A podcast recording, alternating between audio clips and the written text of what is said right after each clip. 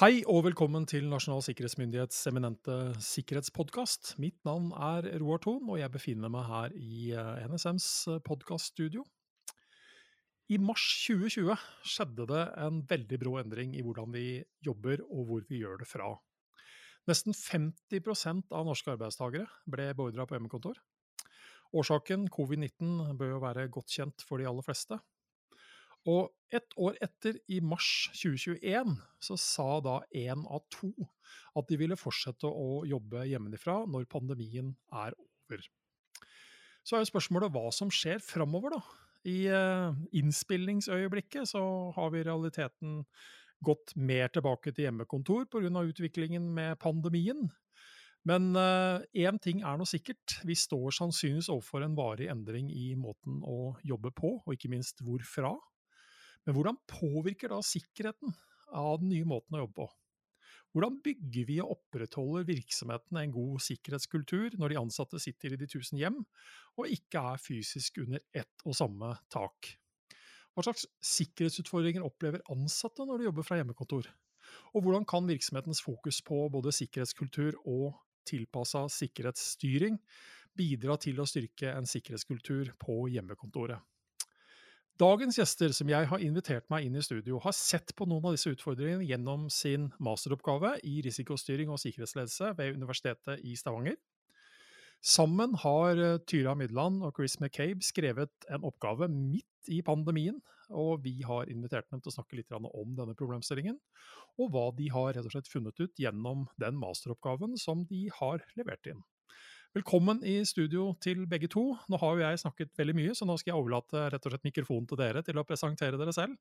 Velkommen, Tyra. Jo, hei. Tusen takk for det, Roar. Og tusen takk for at vi får lov å komme og prate om dette temaet. Tyra Midland heter jeg. Og Chris, din tur. Ja, Chris eh, McCabe eh, jobber i NSM. Eh, veldig hyggelig å være tilbake igjen, Roar. Har vært jo. her en gang tidligere rundt kvalitetsordningen. Det har du. Men dere, dere, tar jo da denne masterutdanningen, og plutselig så dukker pandemien opp. Uh, hva gjorde at dere valgte å skrive om akkurat den problemstillingen her? Nei, Det er jo en flerdelt uh, grunn til det. Men uh, for det første så havner jo vi også i denne pandemien som be berørte oss. vi var jo da også i dette masterstudiet og finner jo ut at dette kan være en veldig klok og ikke minst viktig eh, problemstilling eh, å, å, å, løfte opp. Eh, vi merket også en del av utfordringene i samfunnet. hvor når vi bodde i Oslo by og ser personer sitte på kafeer med åpne PC-er og høylytte telefonsamtaler. I tillegg så har vi begge to jobbet i i sikkerhetsrelaterte yrker. Ehm, og har da dette med sikkerhetskultur og sikkerhetsstyring eh, som en interesse fra, fra dette. Ja, nei, jeg kan jo bare støtte det Chris sa. At um, når vi beveget oss i bybildet, så så vi hvor lite det skulle til eh, for å havne i situasjoner som påvirket sikkerheten. Og dette var jo også før vi ble sendt på hjemmekontor. Så det at vi i tillegg ble sendt på hjemmekontor, inkludert oss selv, gjorde at eh, det ble jo enda mer aktuelt å tenke hvordan kan sikkerhet og sikkerhetskultur bli bedre og overføres til hjemmekontoret? Altså hvordan kan vi ta med oss den gode sikkerhetskulturen til hjemmekontoret, sånn at vi ikke mm. eksponerer virksomhetens verdier eksempelvis. da. Men mye av forskningen knytta til både organisasjonskultur og, og, sånn sett også sikkerhetskultur tar jo utgangspunkt i at de ansatte sitter og jobber fysisk sammen. Hva er de store endringene og utfordringene ved hjemmekontor? Du har allerede nevnt at vi, vi, plutselig så sitter vi der i en helt annen situasjon. Men forskningen tar utgangspunkt i litt andre forhold, egentlig. Ja, og nettopp. Og det var det som var spennende. Det var jo at vi ser at veldig mye av litteraturen beskriver sikkerhetskultur som en del av et kollektiv. Vi lærer av hverandre, vi observerer hverandre, vi snakker sammen. Og hva gjør vi da når vi sitter på hjemmekontor plutselig helt isolert for oss selv? Jo, da endrer jo kommunikasjonsformen seg. Og mulighet for å observere hverandre, Så det å bruke forskning, eh, og den forskningen som omhandler sikkerhetskultur, sånn som vi så lenge har tenkt på den, og ta med den til et hjemmekontorperspektiv, det har jo vært eh, kjempeinteressant. Um, og igjen, det er jo gjerne kommunikasjonsform da, som endrer seg på digitale flater. Vi trodde jo ikke at det var sånn her over Teams eller Um, det var ikke sånn vi så for oss at møtene skulle være, eller digitale julebord med kollegaer. Så dette her er uh, den nye normalhverdagen i mye større grad, da. Men hva er de uh, reelle sikkerhetsmessige utfordringene da, Chris? Nei, noe av det vi har eh, sett gjennom den oppgaven og den tiden vi på en måte har forsket uh, her, så, så, så, ser vi at det er flere utfordringer som peker seg ut. Og noen av de er dette med å bli sett i kortene.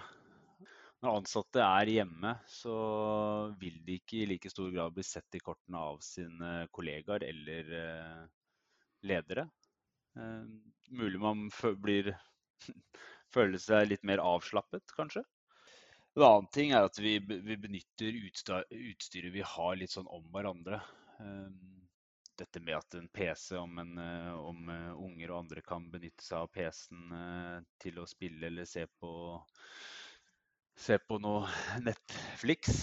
Eller dette med å, variasjonen mellom privat og jobb. Søke på reiser eller andre ting på jobbklienter. Mm. En av de store utfordringene som blir tatt fram flere ganger, og som eh, vi merker også den dag i dag blir snakket om når vi nå er i flere hjemmekontorsituasjoner igjen, det er dette med, dette med bosituasjonen. Det er en stor variasjon hos ansatte om de da enten bor i en enebolig eller bor i en leilighet. Eh, hvor, mange som, eh, hvor mange mennesker som er i dette huset eller i leiligheten. Dette er veldig avgjørende for folk og på måten de får jobbet på. Ehm, og ikke minst måten man eventuelt sitter med noe sensitiv informasjon. Og har muligheten til å jobbe og snakke fritt om dette. Og litt i tilknytning til det, så ser vi da også at dette med nærstående eh, blir enda nærmere. Så um, vi ser jo noen uh, mulige videre studier for uh, oss eller andre på dette med å se på klarering for nærstående. Om når vi nå um, jobber hjemmefra, om ikke man har litt lettere tilgang til den virksomhetens verdier. Så det er, det er, noen av de utfordringene vi ser med dette å jobbe hjemmefra, sammen med selvfølgelig en del andre, eh, andre utfordringer. Men dette er mer de som er knyttet til sikkerhetsdelen. Men bare før jeg slipper til Tyra, når, når, du da sier det med nærstående, så er det jo det kort og godt som du sier at de kommer altså tettere på den informasjonen som normalt tidligere egentlig da ble behandlet på kontoret, under helt andre kontrollerte former. Plutselig så er den, den på kjøkkenbordet, og det bekymrer oss i mye større grad. Uh, men, ja. men, det dere har jo sett på, da, er jo da mer da den altså menneskelige, atferdsmessige, også sånn sett også organisatoriske delen av det. Den, det har jo ikke vært mangel på advarsler rundt uh, tekniske tiltak og kontrollmuligheter på hjemmekontoret. Men, men, dere har sånn sett sett mer på mer sånn den kulturelle delen og hvordan styre denne utfordringen her? Ja, ja. Det, det, er helt riktig. Ja, det stemmer. Og, um, og det vi kan nå si, da, det var jo at når vi snakket med informanter, eller når vi intervjuet personer i forbindelse med oppgaven, så var det jo mange ulike sikkerhetsutfordringer som ble nevnt av de. Eh, så vi måtte på en måte Det er klart, alle oppgaver må jo avgrenses. Så. Eh, man kan jo si at det er mange ting som var viktig for å ivareta sikkerheten. Vi måtte jo avgrense. Og da var det litt som Chris sier også, depotsituasjonen eh, ofte ble trukket opp. Og det at vi er på digitale plattformer. Og det at vi gjerne ikke sant, alle, Mange av disse leverandørene på Teams-tjenester eller Zoom-tjenester, de har jo mulighet for å bløre bakgrunnen din, f.eks. Mm. Så hvis du sitter i et møte, så har du ikke helt oversikt over hvem som er i rommet til motparten eller de du snakker med. Man kan jo ofte tro kanskje at man sitter fortrolig, og så kan det godt være at man ikke gjør det likevel. Så den der usikkerheten som òg kan skapes, jo, kan jo òg være en tipsutfordring. Har vært tilbakemeldinger som vi har fått også. Ja, og det understøtter litt av de samtalene jeg har hatt med en del, som har fortalt meg om at uh, ut fra hva man har sett at arbeid, altså jobbens utstyr har vært brukt til, da, så har man plutselig hatt uh, betydelig annerledes nettsteder som man har besøkt. Uh, fordi man surfer ikke sannsynligvis i så stor grad på porno på jobben, på kontoret. Uh, men så gikk det noen måneder ut etter hjemme, hjemmekontordelen, og så begynte man å se en helt annen atferd med jobbens utstyr, som alt fra å kjøpe medikamenter på nett til eh, ja, pornografi og andre ting. Så nei, men um, det var jo ja. Unnskyld, men jeg tror jo at Og det tenker jeg jo eh, gjelder den dag i dag. Nå er jo vi tilbake på hjemmekontor. Man ser jo eksempler og erfarer jo selv òg at når ansatte skal, hvis man skal dele skjermer, så kan du fort se at den eh, nettleseren har mange flere faner oppe enn det man nødvendigvis ville kanskje sett på da, eh, i løpet av en arbeidsdag. Og den, ja. det ville du kanskje ikke gjort på jobben når noen ser deg. Absolutt ikke. Og så skal vi ikke overdramatisere risikoen her heller. Vi vil bare påpeke og nettopp si det at den rent sånn atferdsmessige delen av oss endrer seg litt, og det kan ha igjen betydning for risikoen. Men eh, mm. litt sånn inn i sjølve oppgaven. Uh, hvordan gikk dere fram for å undersøke problemstillingen? Du har jo allerede nevnt at dere snakket med noen informanter. og, og Hva fant dere? Ja, altså Vi jo med, vi intervjuet jo informanter i virksomheter og på ulike nivåer. Så Vi snakket både med ledere og ansatte, og vi spurte de ganske mange like spørsmål, spesielt knyttet til sikkerhetskultur, eh, sikkerhetsstyring, altså hva, de, hva, de, hva, som lå i det for de da. Og spesielt sikkerhetskultur det er vanskelig å svare på. Det, det merker vi. Når, eh, altså hvis man nevner sikkerhetskultur og spør ja, hva er det, så er det veldig raskt at man går inn på det visuelle, det man faktisk ser. Avgangskontroller, fysisk sikring. Um, når vi snakket om ja, men hva med på hjemmekontor, da? Hva er sikkerhetskultur på hjemmekontor? Ja, da var det litt mer ja, nei, der kan du slå av skjermen, lukke PC-en, så det handler jo veldig mye om ja, liksom, det du gjør, artefakter, eh, fysisk sikring. Og eh, det var jo flere som også sa at på jobben, eh, ved å gå inn på en fysisk arbeidsplass eh, og på en måte få sikkerhetskulturen med deg på jobben, at du får veldig mye gratis ved at du gjør mm. mange eh, operasjoner da, for å komme inn på jobb der du faktisk skal jobbe. Så når vi da sa ja, men hva med hjemme? Hvordan er den sikkerhetskulturen på hjemmekontor? Det, det, var, det, var, det, var, det vanskelig å sette ord på, og det forstår vi veldig godt. Det har vi veldig, det er veldig god forståelse um, for at det var med på eller var vanskelig å svare på. Um, skapte mye refleksjon. Det var mm, interessant mm, og lærerikt, tenker jeg. Både men, for de og for oss. Ja, ikke sant. Og så tenker jeg sånn at det er jo noe rent logisk i å tenke at ok, hvis hvis man ideelt sett skal rapportere at man gjør feil, da, så er det kanskje mm. enklere å gjøre det på arbeidsplassen enn å rapportere seg selv når man sitter hjemme og tenker at nei, det går jo sikkert greit, det er ingen som oppdager dette eller responderer på dette. Så det, det skjer noe mm. med oss i de to vidt forskjellige situasjonene vi befinner oss i, som igjen påvirker atferden vår, og som kan ha betydning for sikkerheten. Mm, ja, og det, og, det, og det, er jo på en måte den, eh, den eh, den menneskelige delen ved dette er at det er på en måte lettere kanskje å melde et avvik når du har, er til stede og har ledere rundt deg eller kollegaer, enn det er å gjøre det hjemme. Men, eh, men det ligger jo liksom et eh, det ligger jo også noen forpliktelser fra måte, virksomheten og den styringen de gjør rundt det sikkerhetsmessige arbeidet. Og vi, og vi ser jo litt der at det har vært det har vært et lite tema for, eh, for virksomhetene. Det har ikke vært tatt opp i noe eller stor grad. Eh, verken om vi tenker avdelingsmøter eller eh, andre scenarioer for, eh, for, ansatte. Så vi, vi, vi, Noe av det vi ser her, er også at, at, ansatte savner kommunikasjon fra ledere og ned på hvordan man skal ha det på hjemmekontor. Mm. Hvilke rutiner og regler man skal følge. Om alt skal være likt som det skal være på, er på kontoret, eller om det skal være noen nye retningslinjer. Men er, er dere, er dere overraska over noe av det som, er, altså som dere fikk vite? Fordi jeg, jeg tenker sånn at når vi da endte opp eh, 50% av oss eh, i Norge endte opp på hjemmekontor, eh, det var det ganske mange som ikke var forberedt på, for å si det sånn. Og så kaster man seg rundt, og så gjør man det praktiske for å få det til, ikke sant? med alt tenkelig utstyr osv. Og, så og så har man fokus på det materielle, eh, at ting skal rett og slett bare fungere. Og så har man noen sikkerhetsbekymringer, kanskje av mer sånn teknologisk art.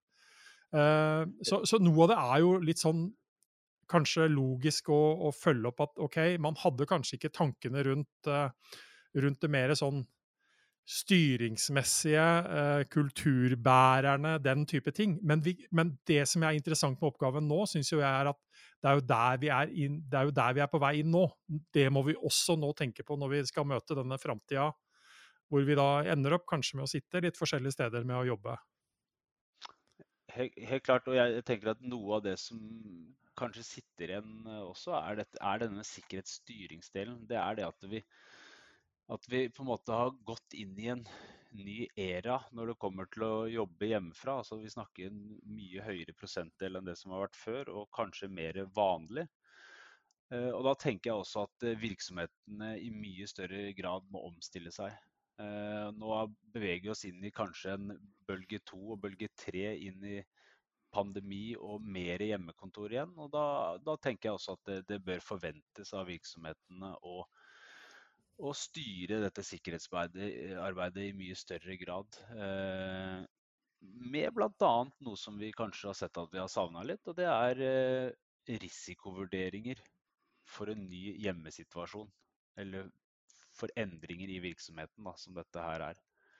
Eh, og vi, vi vet jo også at NSM anbefaler jo bl.a. at det bør gjøres og gjennomføres nye risikovurderinger ved større endringer i virksomheten. Og, og vi mener jo at dette her helt klart er store endringer for en virksomhet, og ikke minst for den ansatte, og hvordan de skal drive arbeidet sitt. Um, Og da også med å ivareta virksomhetens verdier. Så det er vel en av de tingene vi kanskje savner. Eh, Det er denne risikovurderingen som Mm. virksomheten kanskje bør se til. Tyra? Og litt, ja, og litt òg fordi det vi oppdaget når vi snakket med folk, eh, og, og den dag i dag, det er at ansatte ønsker jo ikke å gjøre feil. Eh, I Mm. hvert fall i stort, da. Man ønsker å gjøre ting riktig. Man ønsker å ivareta på best mulig måte. Man ønsker ikke å utsette jobben sin for eh, ja, unødvendig risiko. Eh, og litt som du var inne på med avvik. Det er jo et ønske om at det skal være kort vei og trygt å si ifra. Så, så her har jo virksomhetene en veldig stor mulighet, da, som de bør gripe på å være med på å styre kanskje sikkerhetskulturen gjennom eh, sikkerhetsstyring i den retningen som er hensiktsmessig for sin virksomhet da, og for sine verdier. Så. Jeg tenker at her er det, her er det et eh, Altså, Det er ikke noe tvil om at man må gjennomføre nye risiko- og sårbarhetsanalyser basert på hva slags valg man tar. Og så må man gi ansatte verktøyene og muligheten til å, til å gjøre de riktige tingene. For det er jo som du sier, altså, det er jo ikke sånn at vi har masse ansatte som går rundt forsettlig og har tenkt og, både tenkt og lyst til å gjøre feil og eksponere og kompromittere store verdier og hemmeligheter som sådan. Det, i, si, de ansatte som har de tankene, de, de kaller vi noe annet, for å si det sånn. eh, I hvert fall i min verden. Men Ja. det som er litt spennende der også, er jo nettopp det, er, er jo nettopp det at ved at hvis virksomheten kommuniserer lite eller dårlig, så skaper jo det en eh, usikkerhet hos ansatte. Og det kan jo liksom være med på å skape disse avvikene. Fram, framfor å på en måte trygge ansatte med at eh, vet du, nå er vi hjemme, og dette er dette er dette er det sånn vi skal gjøre det. Og at de har noe å på en måte se til. Det kan være med å trygge, tror jeg. Mm. Ja, og også at eh, mye av sikkerhetskultur og eh, måten vi på en måte behandler sikkerhet på, når man er fysisk til stede, handler jo gjerne med sånn kjappe avklaringer med en kollega. Eh, enkel kontakt, eh, sideblikk, eh, du tester ut eh, Ja, eller du får jo reaksjoner ikke sant, på hvordan du handler. ehm. Hjemmekontor så forsvinner veldig mange av disse faktorene. Og da blir det kanskje viktigere å være tydelig, fra, sånn som Chris var, nettopp var inne på. Være tydelig, kommunisere godt ut. For det er jo som du sier, Rorvar, det er ingen som Ytterst få, i hvert fall ingen av de vi har snakket med, ønsker å gjøre noe galt. Så, og så blir jo denne avstanden blir jo helt annerledes, da, i og med at vi sitter her på det, dette hjemmekontoret. Og eh, liksom veien vår til nettopp å spørre en kollega, spørre noen uh, i organisasjonen om noe som kanskje oppfattes som ganske sånn banalt og enkelt, den er jo mye enklere å gjøre når vi ser hverandre fysisk. Uh, nærmest å reise seg opp i kontorlandskapet eller bare stikke ti meter bortafor i gangen for å, for å spørre noen. Så, så, så, det skjer noe der også som er ganske vesentlig, tenker jeg. Og, og jeg tenker sånn med grøss og gru, jeg har sagt det før. Eh, jeg jobber i en organisasjon hvor jeg har snart har jobbet i snart 19 år. Jeg kjenner veldig mange, jeg vet hvordan systemet egentlig fungerer, jeg vet hvem jeg kan spørre om hva. Men hva når man da er helt nyansatt og i realiteten ikke kjenner organisasjonen engang? Man, man kjenner egentlig ikke hva normen er for hva kulturen er, og hva forventningene er. Og det er også en, en ny del av dette. ja. Ja, Hvis du tenker at du skal spørre noen, kanskje de få du har hilst på, og de er røde på Teams. Ja. Så bruker jeg Teams som et eksempel. da, Det fins ja, andre ja. måter å kommunisere på. Men da, det er jo det fort en sperre, da.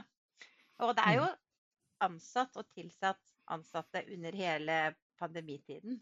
Og det er som du sier, de har jo verken følt eller kjent på kulturen som ligger i veggene. De skal jo bare rett inn eh, på en digital plattform. Og så skal de sånn helt automatisk forstå sånn gjør vi det hos oss. Jeg vet ikke. ja. Mm. Eh, men eh, sånn i det store og hele, da. Eh, har, dere har jo kanskje allerede indirekte sagt det, eller kanskje også direkte. var og har virksomhetene vært oppmerksomme på liksom, den menneskelige sikkerhetsutfordringen av dette med hjemmekontor? Nei, vi er jo litt fristet til å svare nei her. Ja, jeg er ikke oversjokkert, for å si det sånn. Nei, du kommer med det svaret, ja.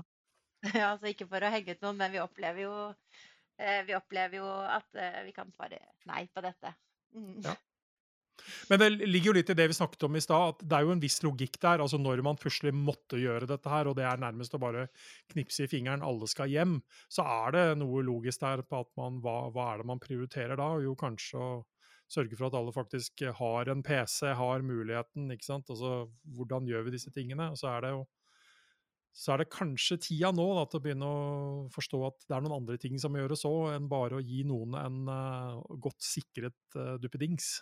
Det er jo som uh, nevnt tidligere også, at vi, vi, vi, har jo kommet nokså godt ut av hjemmekontorordningen i denne pandemien, så, så vidt vi på en måte kan se til. Eh, det har vel ikke vært de aller største hendelsene som i hvert fall har eh, kommet ut i, i, nyhetsbildet, som handler om eh, at man har på en måte sviktet eh, på hjemmekontor.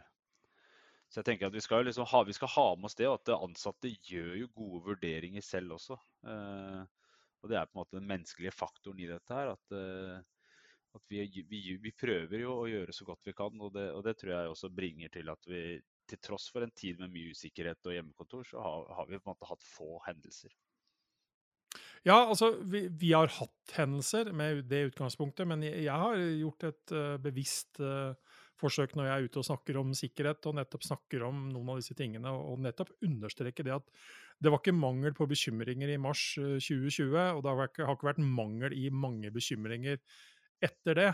Men sånn i det store og hele, den risikoen man endte opp med å ta, den var vel verdt å ta ut ifra konsekvensene ved å ikke kunne ha dratt på hjemmekontor i, i 2020 med tap av og på potensielt tap av flere mennesker, eh, en rekke forskjellige ting. Eh, så uh, tror jeg nok at de hendelsene vi har måttet håndtere, har vært, har vært noe som har vært levelig, og som rett og slett vi har greid å håndtere på en god nok måte.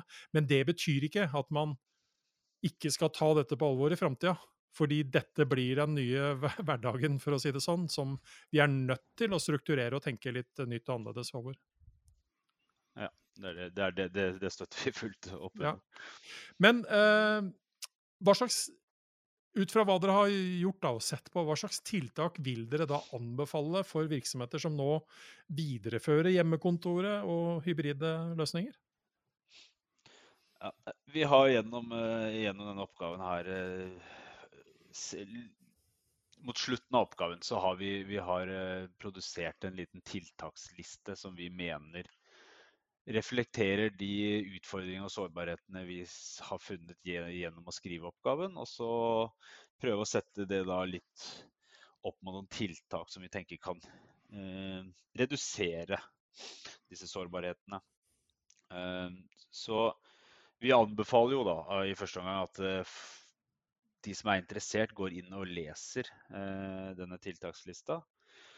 Men hvis vi skal dra ut noen av punktene, så, så tenker vi at eh, det at virksomheten gjør noen individuelle vurderinger over hvilke forutsetninger ansatte har hjemme, eh, vil være noe, noe, av det viktigste. Eh, virksomheten må, må, ha en god kommunikasjon med ansatte med å måte, vurdere eh, hvordan boforholdet er hjemme. Og eventuelle hvilke oppgaver man kan da settes til. Muligens noen oppgaver må på en måte Eh, settes til andre hvis situasjonen gjør at man ikke kan jobbe med eventuelle sensitive dokumenter. Eh, ansatte må være trygge på at de kan si ifra til sine ledere. Det er et av de punktene vi mener også er veldig viktig. Det å, som vi har nevnt tidligere her, er dette med å føle seg trygg. Vi har også som et av punktene, det er en av de siste punktene våre, det, det med å utarbeide en form for kontrakt mellom virksomhet og ansatt. Eh, og I denne kontrakten kan det si noe om eh, hvor ansatt faktisk kan jobbe fra ut ifra den fysiske arbeidsplassen. Altså F.eks. om ansatte kan jobbe fra egen bopel, eh, eller om kan jobbe, også jobbe fra mor og far sitt bopel eller hytte eller tog. Altså at det er satt noen eventuelle begrensninger. Ehm, hvilket utstyr, hvilket utstyr ansatte disponerer, og igjen hva man kan bruke dette utstyret til. Eh, hvem ansatte skal kontakte ved problemer med disse klientene eller eh, PC-ene, hvis det skal skje noe. Altså, I den kontrakten så tenker vi at det skal være punkter som kan på en måte gjøre det lettere for ansatte å være hjemme uten å eventuelt ha en kollega eller en leder i umiddelbar nærhet. Så det skal mm. sette, sette noen avklaringer eh, mellom eh, virksomhet, altså leder og ansatte. Så dette, dette, er noen av en, eh, en rekke tiltakspunkter vi har i mot slutten av oppgaven vår som vi tenker at kan være nyttig for ja, virksomheter som er på hjemmekontor i dag, men også virksomheter som muligens kommer til å ende der. For vi ser at dette er, en, er relevant for alle. Ja, og så, så, er det jo ikke sånn at alle virksomheter er like heller. Altså at uh, trussel og risiko uh, nødvendigvis er lik i forhold til hva slags verdier man forvalter. Uh, ja, og jeg tenker at det å, det å forstå at nå må man også kanskje se på individuelle forskjeller blant de som jobber med hvilke oppgaver de jobber og hva som kan løses hvorfra, det, det er jo heller ikke noe nytt. fordi jeg igjen uh, ofte gjort et poeng av at noen noen jeg møter på min vei, nesten blir overraska over at jeg har mobiltelefon og at jeg bruker e-post og sosiale medier. Uh, ja. og, og, da gjør jeg et poeng ut av at ja, selvsagt uh, har jeg det. Men hos meg og den kulturen jeg kommer fra i min organisasjon, så er det så innarbeida at det, det fins telefon, altså det fins samtaler som jeg ikke kan ta på telefon. Det finnes ting jeg ikke kan skrive på en hvilken som helst uh, datamaskin, for å si det sånn. Uh, altså Nettopp da å være i stand til å identifisere verdien og betydningen av den verdien som gjør at da er det noe jeg ikke kan snakke høyt om på toget. eller snakke om på en vanlig mobiltelefon. Jeg må inn på kontoret, jeg må under kontrollerte former og ha den samtalen. Uh, og det, det, er jo de tingene som det er jo den kunnskapen, den forståelsen, den rutinen som i enda større grad blir viktigere, tenker jeg da. Ja, og vi, vi, legger litt opp til da i, gjennom disse tiltakene her også at, det, at, noe bygger på at ansatte skal få en kompetanse og en større forståelse av kanskje virksomhetens verdi eller verdier. Um, og den andre delen som vi også eh, føler at vi må legge noen tiltak til, det handler om dette som vi var på i stad, dette med sikkerhetsstyring. Altså virksomhetsstyring eh, på hvordan, hvordan, man skal drive og hvordan man skal ha hjemmekontor. Eh, og eventuelt da videreføre det man har på fysisk arbeidsplass. Så, eh, så igjen, oppgaven handler jo om hvordan ivareta en god sikkerhetskultur på hjemmekontor. Så mm. vi ønsker jo på en måte å fortsette, men også bygge bygge kulturen bedre. Mm. Men er det jo, ja, så er det jo litt som uh, også den tiltakslisten beskriver, det at man gjør individuelle tilpasninger. Og hvis du da har fått et godkjent hjemmekontor basert på gitte krav, da, så må det òg være en tillit uh, mellom ansatt og leder på så, sånn som vi var inne på. Det er god rapporteringskultur. At, at man kan få rapportere tilbake, og så kan det godt være at du ikke har mulighet til å være på hjemmekontor lenger, men at at det ligger eh, godt forankret i organisasjonen. Mm.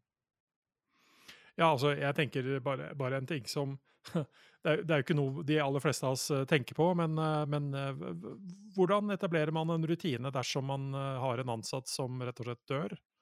Hvordan har man regulert det faktum at vedkommende faktisk kanskje sitter hjemme med altså, utstyr som er sikkerhetsgradert, eh, håndtere gradert informasjon. Hvordan regulerer man eh, arbeidsgivers mulighet til å hente den type informasjon, få kontroll over den når, mm. hvis den ansatte har falt ifra, for å si det sånn. Så Det er så mange nye problemstillinger her, i hvert fall for, for veldig mange, som, eh, som, man må ta tak i. Og det tror jeg at ja. Vi snakker jo om nye trender i samfunnet. Altså, det skal ja. et kort søk på Finn, så ser du at det, sikkerhetskultur er et uh, lett søkbart ord i jobbannonser. Det var jo en, en sånn sjekk vi gjorde i forbindelse med oppgaven. Det snakkes ja. jo om uh, bortekontor, co-workers-kontor. Altså du har jo masse nye begreper uh, mm. som flytter ansatte fra kontoret, da. Hvor du faktisk ser ja. hver dag.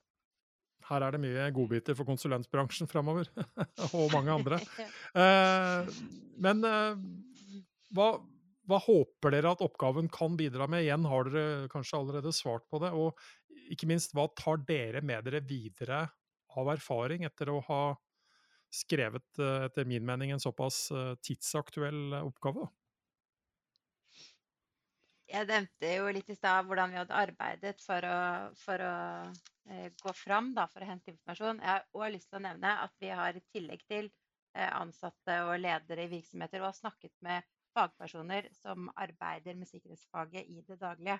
Og eh, vi har hatt mange gode diskusjoner.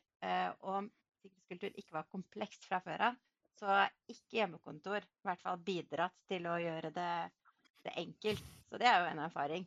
Dette her må man eh, fortsette å arbeide med. Dette er dynamisk.